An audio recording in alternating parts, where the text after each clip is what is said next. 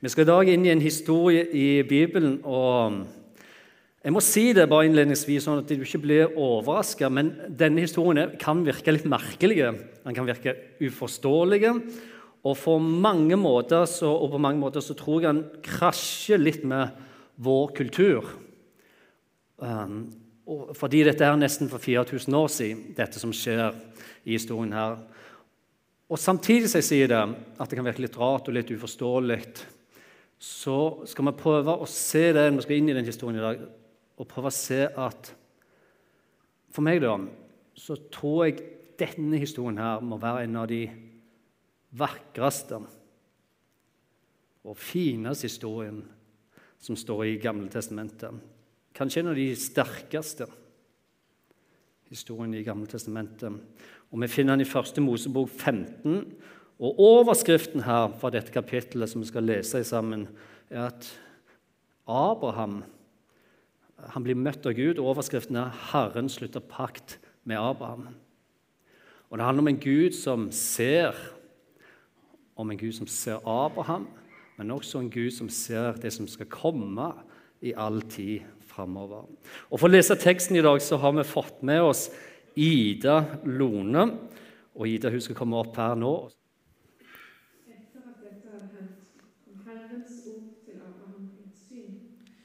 Vær ikke redd, Abraham. Abraham. Jeg er ditt skjold, og lønnen din skal bli stor. Men Abraham svarte, Herre min Gud, hva vil du gi meg? Jeg går jo barnløs bort, og Elieser fra Damaskus er arving til mitt hus. Og Abraham sa, Du har ikke gitt meg etterkommere. Se, en av husfolkene mine skal arve meg. Da kom Herrens ord til ham. Han skal ikke arve deg, men en av ditt eget kjøtt og blod skal arve deg. Så førte han Abraham ut og sa til ham, se opp mot himmelen, tell stjernene, om du kan telle dem. Og han sa, så tallrik skal ætten din bli. Abraham trodde Herren, og det ble regnet ham til rettferdighet. Og han sa til ham, jeg er Herren som førte deg ut fra Urikaldea for å gi deg dette landet i arv. Abraham sa, 'Herre, min Gud, hvordan kan jeg vite at jeg skal få det i arv?' Da svarte han, 'Hent meg en treårs kvige, en treårs geit, en treårs vær, en turteldue og en dueunge.' Abraham hentet alt dette til ham, skar dyrene i to og la delene rett overfor hverandre. Men fuglene eh, skar han ikke i to. Rovfugler slo ned på skrottene, men Abraham drev dem tilbake. Da solen holdt på å gå ned, falt en dyp søvn over Abraham. Og se, redsel og stort mørke falt over ham. Og Gud sa til Abraham, dette skal du vite. Ætten din skal bo som innflyttere i et land som ikke er deres. De skal være slaver og bli plaget av folket der i 400 år. Men det folket de må slave for, vil jeg også dømme og deretter skal de dra ut med stort bytte. Selv skal du gå til dine fedre i fred, og du skal bli begravet i høy alder. I det fjerde slektsledd skal de vende tilbake hit, for amorittenes syndeskyld har ennå ikke fylt sitt mål. Solen gikk ned, og det ble mørkt. Og se, en rykende ovn kom til syne, og en flammende fakkel for mellom kjøttstykkene. Den dagen sluttet Herren en pakt med Abraham og sa:" Din ett gir jeg dette landet, fra Egypterelven helt til Storelven, Eufrat.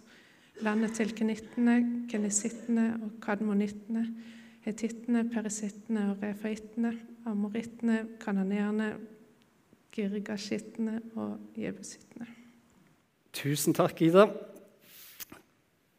Det var ganske imponerende, faktisk, den slutten der. For eh, det har jeg lest noen ganger og det går litt i kluss med alle disse sittende. Så det var utrolig imponerende. Flott, Ida. Takk skal du ha. Dette her er paktspråk, og det er litt vanskelig å forstå. og Så er håpet mitt at uh, vi skal klare å se og brette det ut litt, sånn at vi klarer å forstå dybden i det og forstå hva dette virkelig handler om. Men først dette. Her For noen uh, uker siden så var jeg sammen med Vivian, dattera mi, og kona mi Lena Og vi var på kino eh, på den nye Avatar-filmen som nettopp har kommet ut. eller ikke nettopp, men har gått en liten stund da. En film som varer i tre timer og ti minutter. Og eh, for meg da, og Dette er jo veldig veldig forskjellig, men for meg personlig jeg elsker science fiction og jeg elsker slike eventyrhistorier. Og her I denne her filmen her så blir vi eh, invitert til Pandora, planeten Pandora i, år 2154, og vi møter folk som heter Navine. Og eh, bare i utgangspunktet der så forstår vi okay, at dette er faktisk ganske eventyr. det er fiction, og det er helt rett. Men det som er fint med disse filmene her, og mange av disse sci fiction-filmene og eventyrfilmene, er at de har også et budskap i seg. Også denne filmen her. Og Et av hovedbudskapene her handler om å se og se hverandre. For I denne filmen da, så blir vi kjent med To foreldre som har fire barn, to døtre og to sønner. Og I denne filmen da, så ser vi at den ene sønnen gjennom hele filmen blir favorisert av faren sin. Den andre sønnen han kjemper for oppmerksomhet. Han prøver å være god nok. Og han prøver å, å på en måte kopiere storebror sin for at faren skal bekrefte han og se han er god nok. Det gjør han ikke gjennom hele filmen, faktisk helt mot slutten, da han, han, faren holder på å dø. Uh, og her, Har du ikke sett den og lyst til å se den, så kommer det en spoiler nå. Jeg Kanskje jeg sa litt allerede, faktisk. Men, men hvis du vil, høre, uh, eller vil se filmen og ikke høre dette, så gunk inn i ørene med fingrene nå. Det er helt greit. Bare ta de ut før jeg er ferdig i dag, så er det bra. Men her kommer det spoiler, og for dette er helt på slutten. Og spoileren er denne her at denne sønnen, da, som ikke var god nok for faren, aldri fikk oppmerksomheten, aldri hørte 'jeg ser deg', redder faktisk denne faren fra å dø på en fantastisk mirakuløs måte. klarer å redde ham. Og det er først da denne faren faktisk ser inn i øynene på sønnen og sier 'Jeg ser deg'. I see you. Jeg ser deg. Og det er i grunnen det vi mennesker på dypet av vår liv virkelig lengter etter og trenger å vite at vi blir sett. I see you. I teksten vi leser i dag, så er overskriften at Herren slutter pakt med Abraham. Og Det vi blir vitne til, er mange mange ting. Men det er i hvert fall to ting, og de to tingene skal vi se litt på innledningsvis. Og de to tingene dette her. Det første fra vers 1 til 8, altså halvparten av teksten, handler om Abraham, og det handler om Abraham som tviler. Om Gud som bekrefter Abraham. Og Grunnen til Abraham tviler han begynner å dra på året, og han har fått et løfte han har fått et løfte om en sønn, og folket hans og etterkommerne hans bli som tallrike som stjerner på himmelen. Og Han begynner å tvile. og Likevel, selv om han har fått dette løftet av Gud Gud, Gud altså, så kommer Abraham til et punkt der han faktisk begynner å tvile på Gud. Og ikke bare det. I vers 2 og 3 så tviler han på Gud, men også i vers 8 så ser du han tviler på seg sjøl. Så først tviler han på Gud, og så tviler han på seg sjøl. La oss bare lese hva som står her, for det sto dette at etter at dette hadde hendt, kom Herrens ord til Abraham i et syn. Vær ikke redd, Abraham, jeg er ditt skjold, lønnen din skal bli stor. Og her kommer Men Abraham svarte, Herre min Gud, hva vil du meg? Jeg går jo barnløs bort, og Elieser fra Damaskus er arving til mitt hus. Og Abraham sa, Du har ikke gitt meg etterkommeren. Altså, De ser at Abraham nå begynner han å tvile, og han tviler på Gud, faktisk. Du har ikke gjort det du sa, Gud. Du ga meg et løfte jeg har ikke sett det ennå. Gud, jeg begynner å tvile på deg. Vi leser videre, for det står dette videre. Abraham sa, 'Herre min Gud, hvordan kan jeg vite at jeg skal få dette i arv?' Og igjen, nå begynner han å tvile på seg sjøl. Da svarte Gud, 'Hent meg en treårs kvige og en treårs geit og en treårs vær og en turteldue og en dueunge.' Abraham hentet alt dette til ham. Han skar dyrene i to og la delene rett overfor hverandre. Og Her er det noe viktig å lære før vi går videre. Fordi det vi må vite, dette her, som vi nå leste, paktspråk. Med andre ord, Dette her er en kontrakt, en avtale, som nå inngås. Og Det, vi ser, det andre vi ser her, er at eh, når Abraham da får vite av Gud Hent disse dyrene til meg. Så står det ikke at Gud sier til Abraham hva du skal gjøre med dyrene. Men Abraham visste med en gang at når Gud ba om disse dyrene, så gikk han bort og så skar han de to. Og For oss er dette her ganske kanskje grotesk og det er rart, og man forstår ikke hva som skjer. Men på den tida, som når Abraham hørte 'hent disse dyra til meg', så visste Abraham ok, Gud og meg skal gjøre en avtale. Vi skal inngå en pakt. Og Måten vi inngår denne pakten på, som var litt av kulturen med den tida, var at de da delte dyra i to, og de la disse dyra til sin hverandre. Det som er viktig med å få med oss, er dette her. Når Gud inngår nå en pakt og går inn en avtale med Abraham, så gjør Gud dette fordi Gud ser Abraham.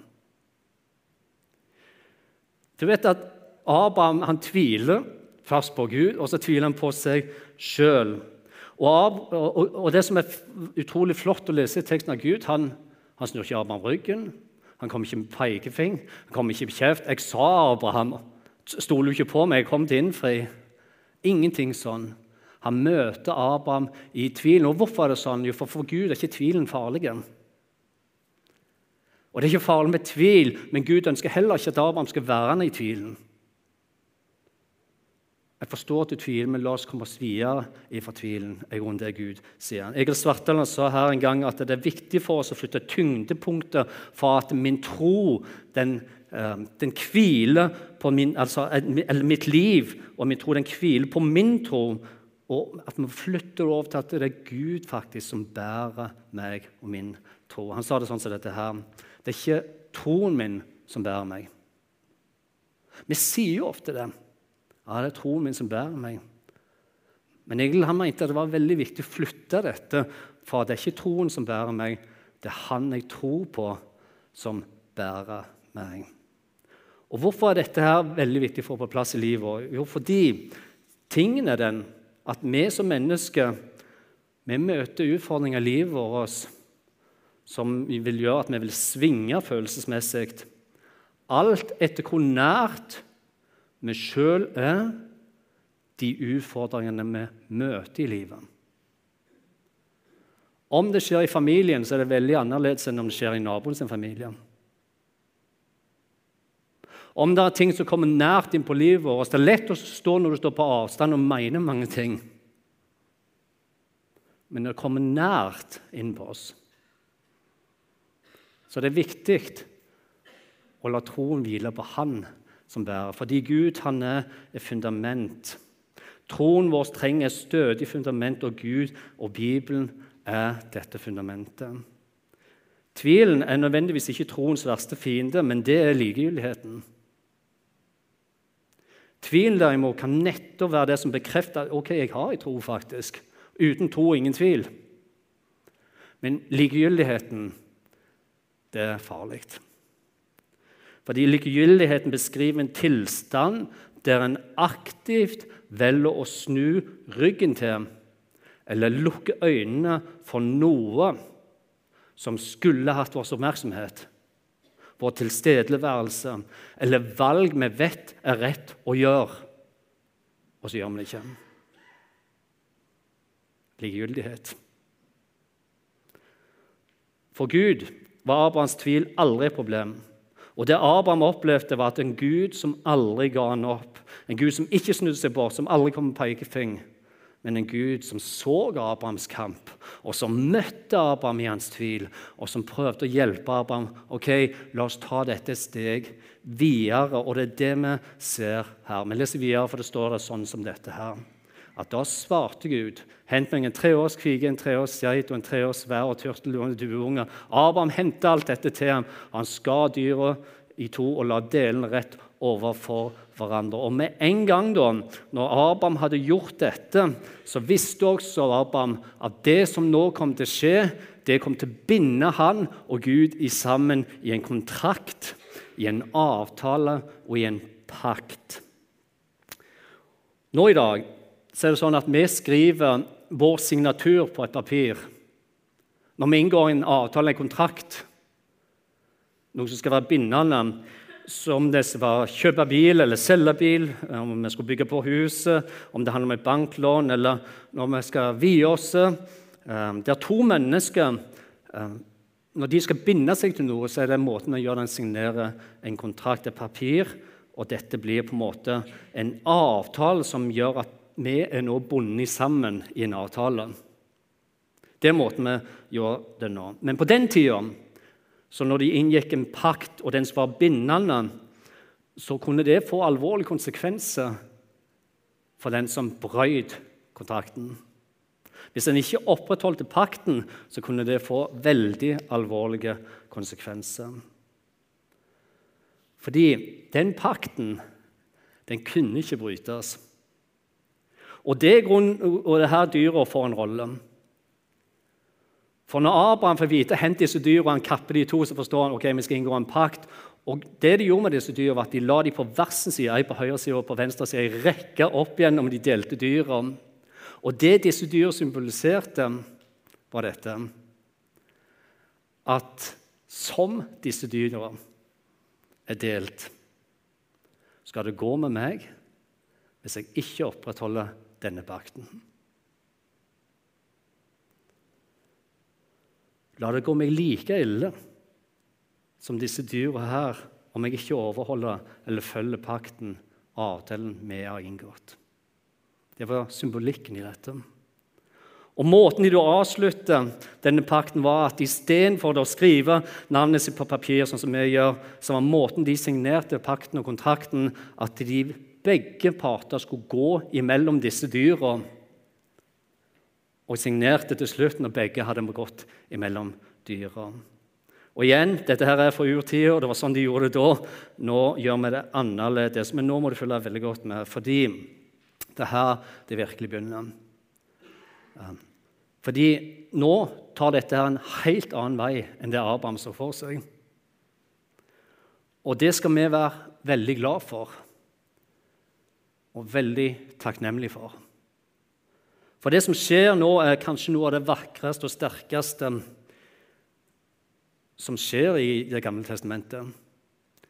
For det står videre dette her Da solen holdt på å gå ned, mens de holder på med dette dyret delt, og veien er gjort klar, og begge to har en forståelse av hva er som skjer nå, så faller det en dyp søvn over Abraham. De har ennå ikke gått igjennom. Og se, redsel og stort mørke faller over ham, og Gud sa til Abraham.: Dette skal du vite. Ætten din skal bo som innflytter i et land som ikke er deres. deres. De skal være slaver og bli plaga av folket der i 400 år. Dyp søvn var dette. Dette er åndelig, og det er Gud som gjør dette redsel og stort mørke var det. Ja, det er Gud som tillater Abraham å se profetisk inn i framtida. Israelsfolket er slaver i Egypt, og dette er bildet på de som ikke står i en pakt med Gud. Den som ikke har gjort opp sin sak med Gud, vil komme over redsel og et dypt, stort mørke. Og det er et bilde på evigheten uten Guds frelse, nåde og kjærlighet. Og det er et grusomt syn Abraham får.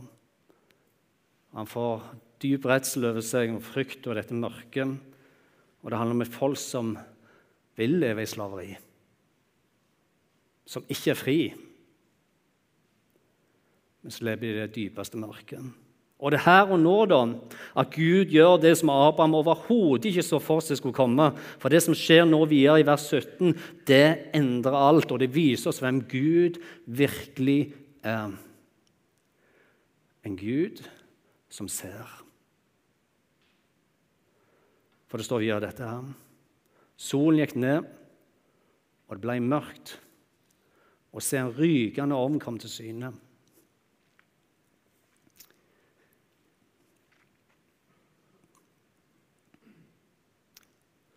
Og en flammende fakkel for mellom kjøttstykkene.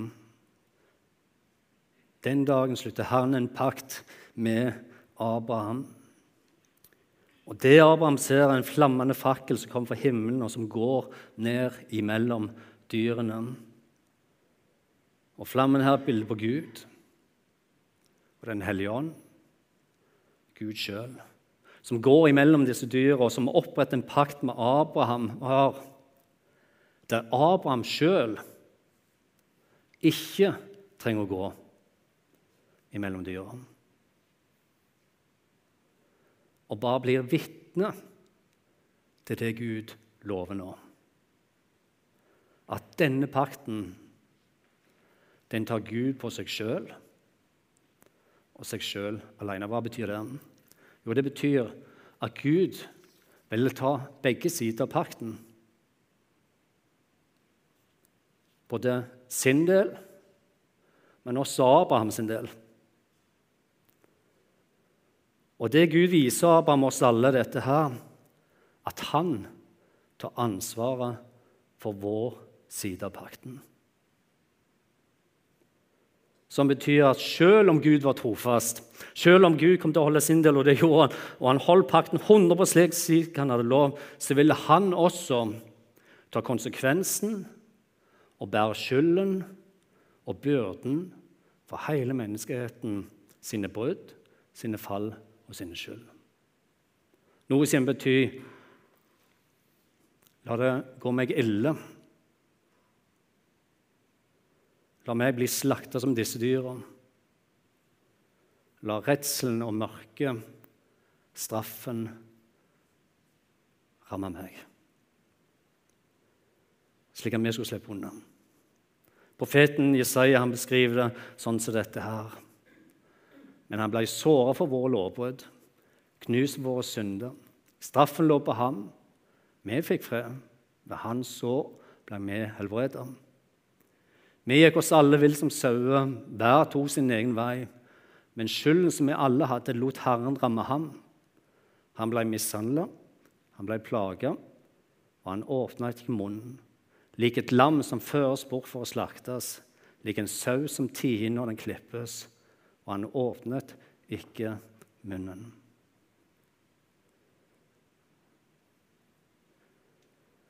Jesus sier det sjøl sånn i Johannes 3, 17. Jeg kom ikke for å dømme verden.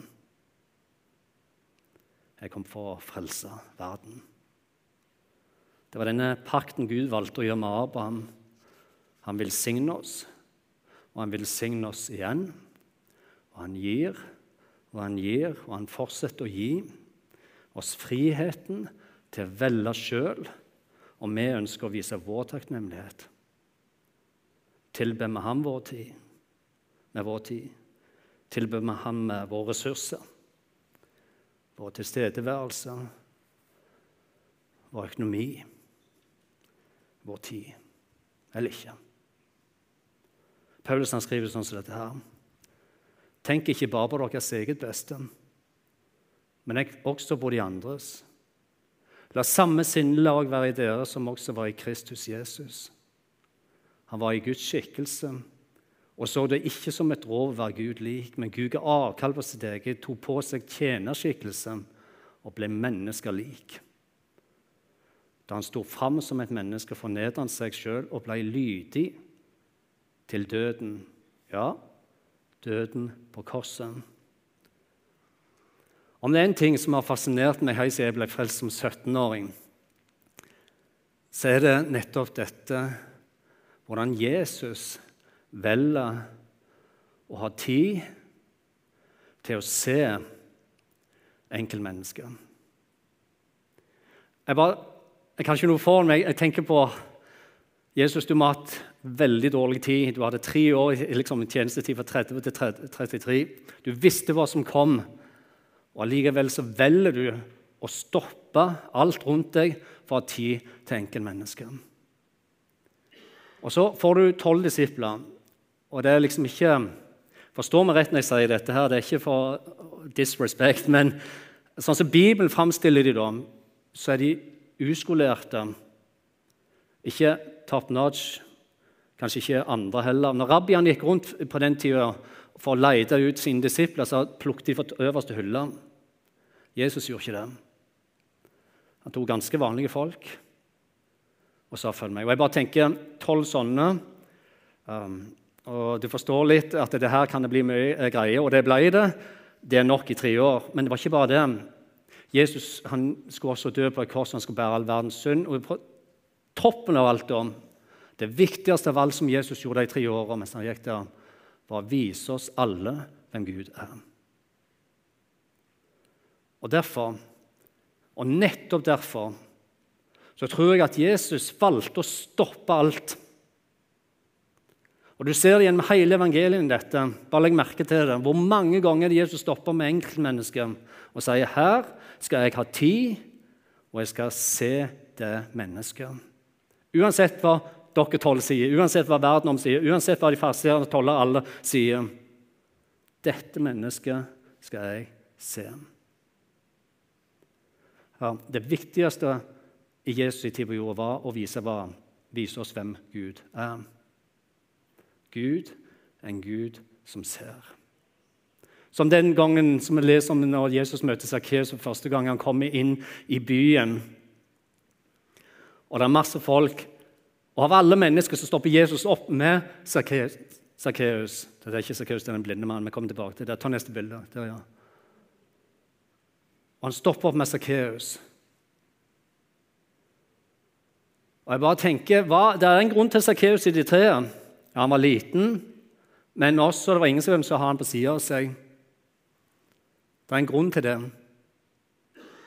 Han var toller, han var hata. Og av alle mennesker så stopper Jesus opp med den som ingen andre ønsker å se.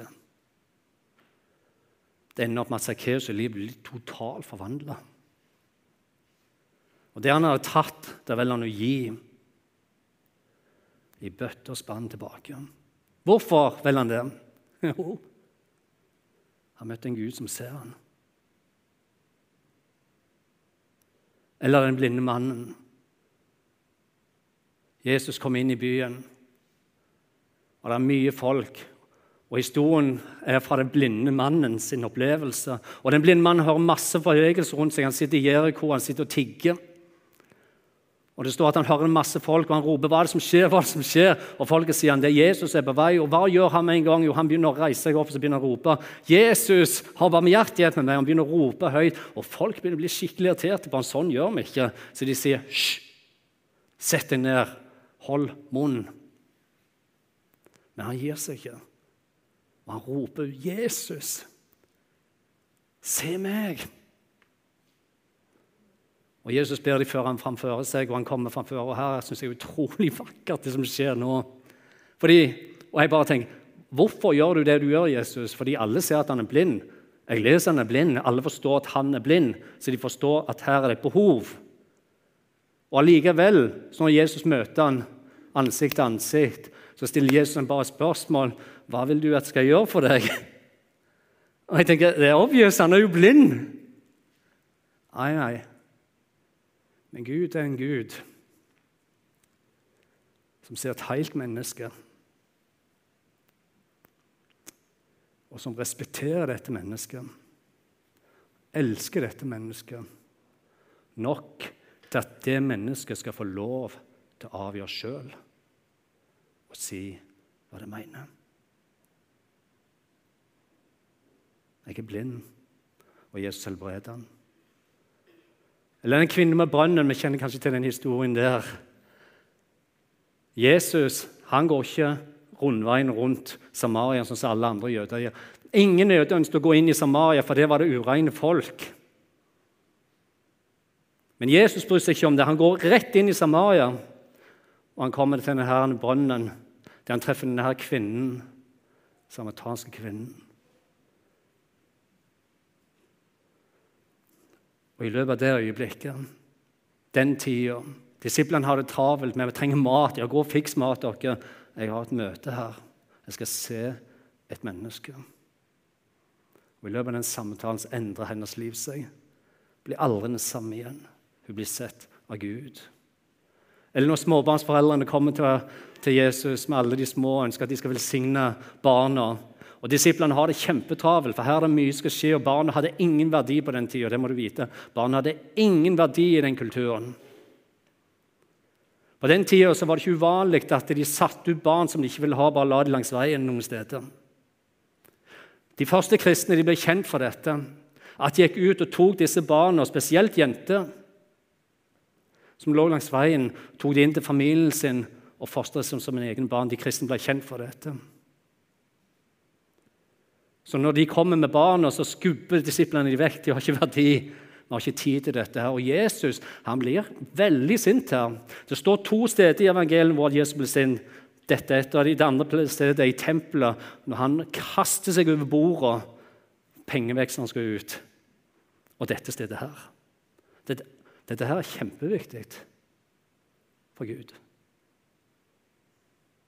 Og De bærer fram barna, og Jesus ser hver eneste en av dem. Og han velsigner dem, og han ser småbarnsforeldrene.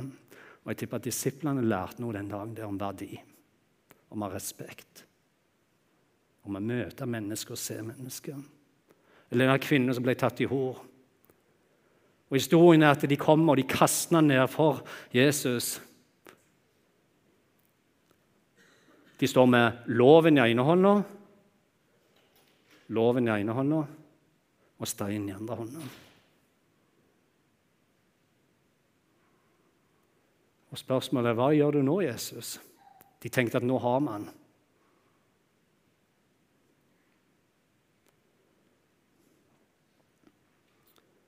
Og her er det utrolig fint. Jeg må si det. Av alle plasser, hva det Jesus gjør? Hva er det han gjør? Han velger å bøye seg ned. Der alle andre står med loven og steinene, der velger Jesus å bøye seg ned. Hvorfor gjør Jesus dette? Jo, for der kvinna ligger nede. Og Jesus ser den mennesket med medfølelse, med empati. Og han reiser seg opp igjen til de som står oppe, og sier, 'Kast du den første inn, du som er uten skyld.'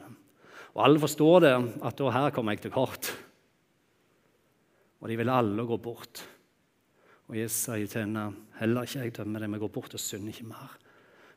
Ikke lev det livet der som du vet er ikke bra. Vær ikke likegyldig til det. Endre kurs. Eller denne historien her om røveren som henger på korset. Og også her I sin mørkeste time så ser Jesus det mennesket. Den ene røveren spør kan du huske på meg. Og Jesus ser dette mennesket.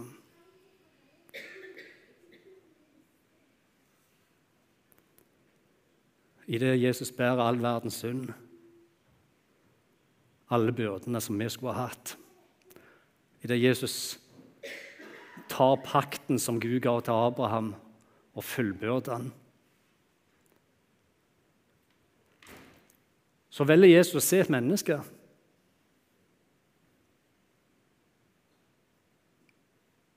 En som mennesket ikke hadde plass til fordi alt han hadde gjort, var så galt. Og Jesus ser det mennesket. Min Gud, min Gud, hvorfor har du forlatt meg? Hvorfor sier Jesus, min Gud, min Gud, hvorfor har du forlatt meg? Hva er det? Hvorfor måtte Gud trekke seg tilbake? Hvorfor måtte Jesus, som et menneske, som meg og deg, bære all verdens synd på korset? Jo, det er for vår del det er vår del av pakten som nå skulle betales for.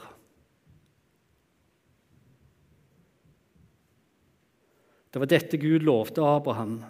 Det var dette var flammen som gikk imellom dyra. Jesus ble et menneske for å ta vår side av pakten. Paulus han skriver sånn som dette her. Men Kristus kjøpte oss fri for lovens forbannelse, og han kom under forbannelsen på vår skyld. For det står skrevet Forbannet er hver den som henger på et tre. Slik skulle Abrahams velsignelse komme til folkeslagen i Kristus Jesus, så vi ved troen skulle få ånden som det var gitt oss løfte om.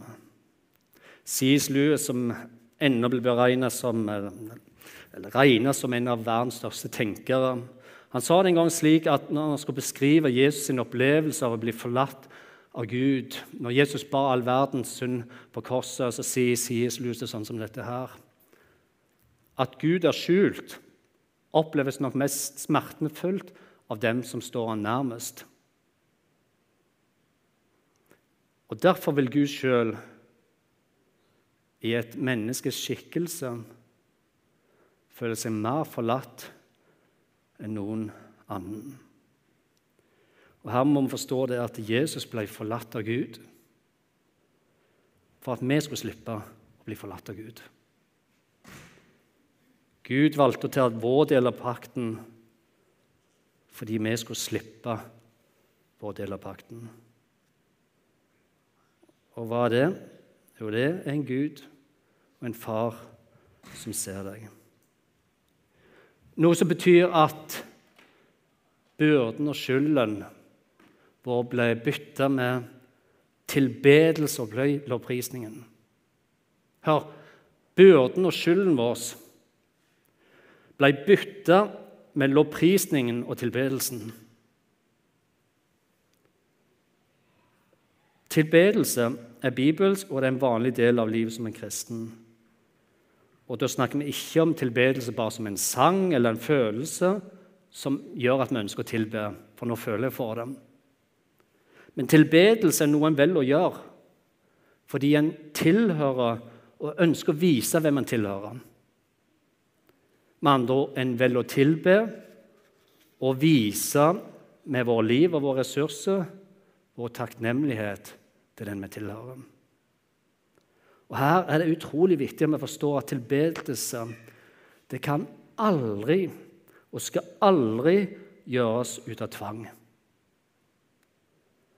Alle som tilber, gjør det fordi han eller hun ønsker det.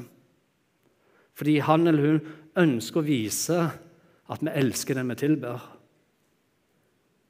Og Måten vi gjør på det, som Bibelen da sier, dette her, vi gjør det med vår tid. Vi gjør det med våre ord. Vi gjør det med vår tilstedeværelse, vår liv og vår hengivelse. Hvordan vi velger å se andre mennesker. Hvordan vi forvalter våre penger.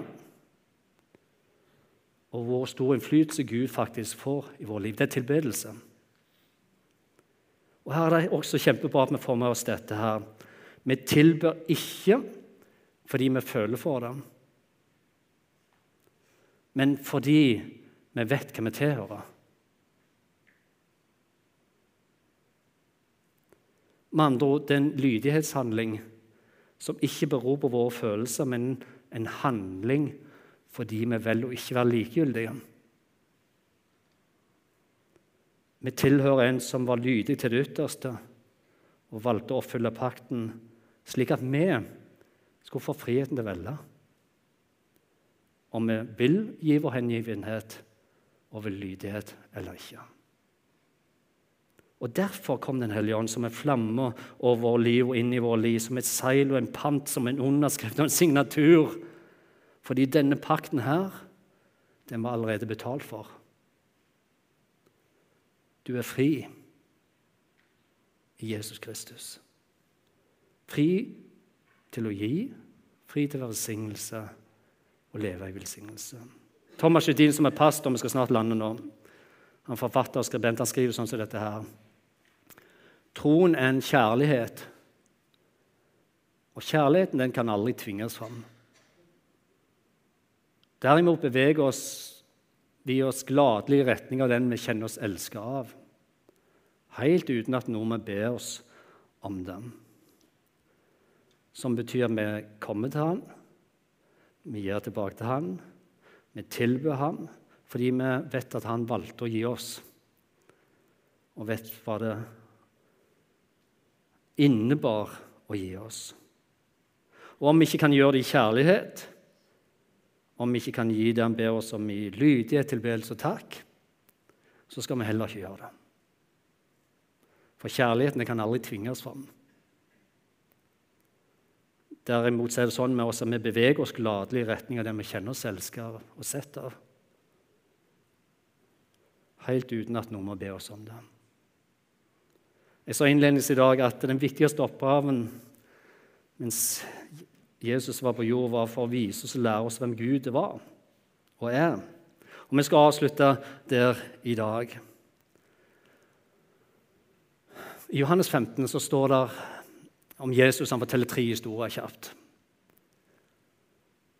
Og Det er eneste stedet i hele Bibelen det står at Jesus forteller tre historier.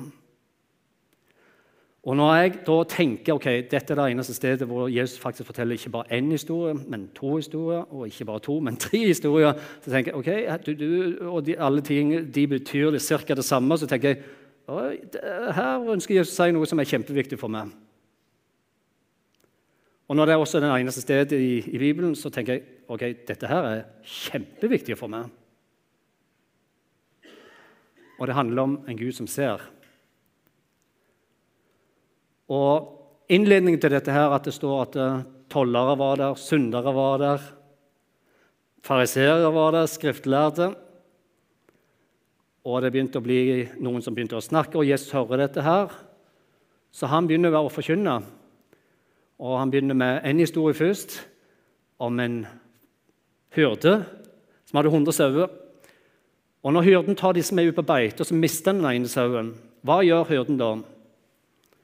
Hva gjør hyrden da? Jo, han vil overla de 99 som er safe, på vent, og så går han og leter etter den ene. Og Det handler om fokus, dette her. Hva det grunn til å holde på med? Og Han går og han leter, og jeg ser for meg dette bildet. Han går opp og ned og inn i daler og i mørkt. om det var det. Og når han finner den sauen som han har mista, så må vi ikke miste det profetiske bildet her. For hva er det han gjør da? Da går hyrden som et bilde på Gud bort og tar sauen. Han bøyer seg ned, som Jesus gjorde. og Han tar tak i denne sauen, og han løfter opp denne sauen og han legger den på skuldrene. Dette er et bilde på det Jesus skal gjøre for hver eneste en av oss den dagen han strekker ut sine armer og bærer oss sin del av pakten vår del av pakten. Han bærer søvn tilbake, og han setter han inn i flokken igjen. Og Jeg tipper at Jesus ser rundt seg, og han ser hm, de forstår ikke dette her. De ser ikke dette bildet, så jeg tar en historie til. Og Han forteller om ei kvinne som ti sølvmynt, nei, hadde ti sølvmynt og mistet én. Hva gjør denne kvinnen da, sier Jesus. De skriftlærde er der, fariseerne er der, synderen og tolleren er der. Hva gjør denne kvinnen? Ingen svarer. Jo, hun, eh, dette står ikke i Bibelen, altså, men det er bildet. Hun ruller sammen samme teppe, setter ut bordet uh, flytter på TV-en. Um, jeg ser for meg hvordan det rommet ser ut nå, så det blir litt på sparket. dette her. Hun leter og kravler på kne, desperat for å finne den ene som er borte. Og når hun ser han, denne mynten, hva gjør hun da? Da grabber mynten, lukker opp døra og springer ut på gata, sa Jesus, og roper til alle nabovennene nå må dere komme. Nå er det fest. For Den ene som var vekke, den har jeg funnet igjen. Og Jesus jeg tipper han står og ser rundt, og det står ikke i Bibelen, jeg tipper han gjør det. På synderen, tolleren og passerende i skriftlærde.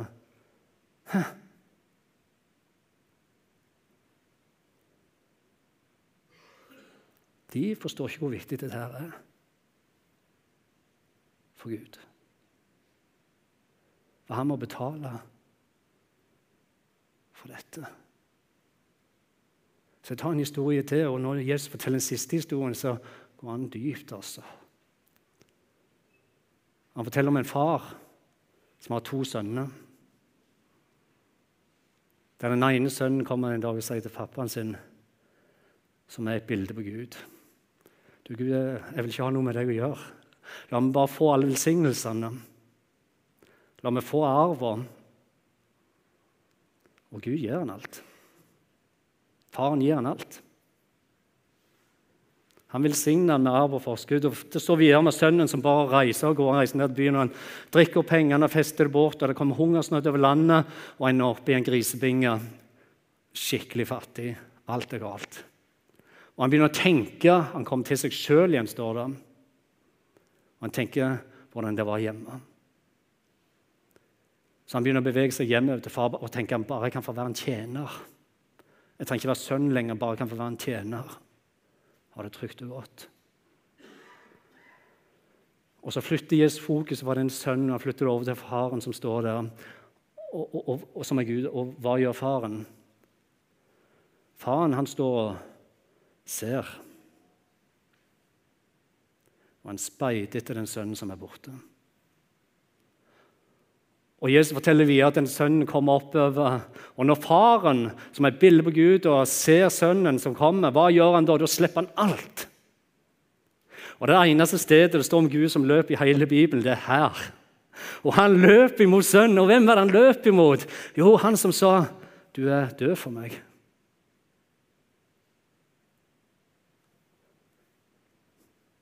Jeg ønsker ikke å se deg igjen.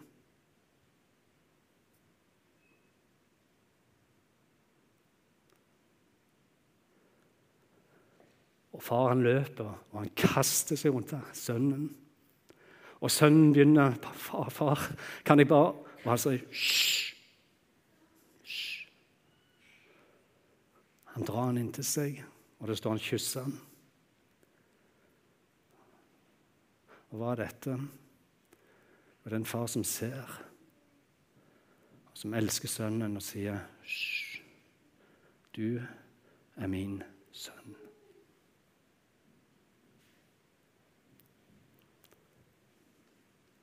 Min Gud, min Gud, har du forlatt meg?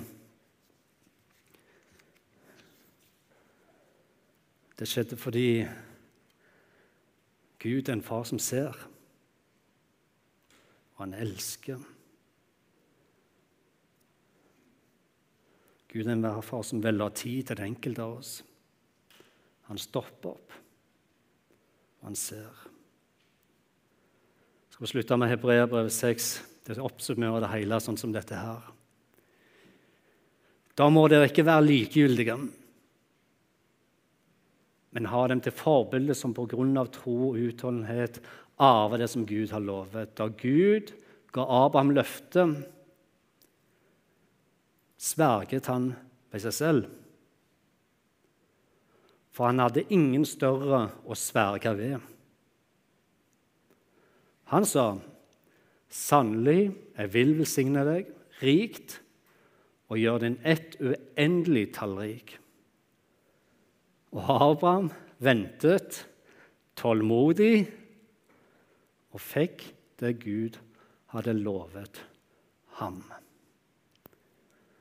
Ingen annen religion har dette i seg. Ikke i nærheten engang. At Gud, guddom, velger å fornedre seg sjøl bøye seg ned, ta alt.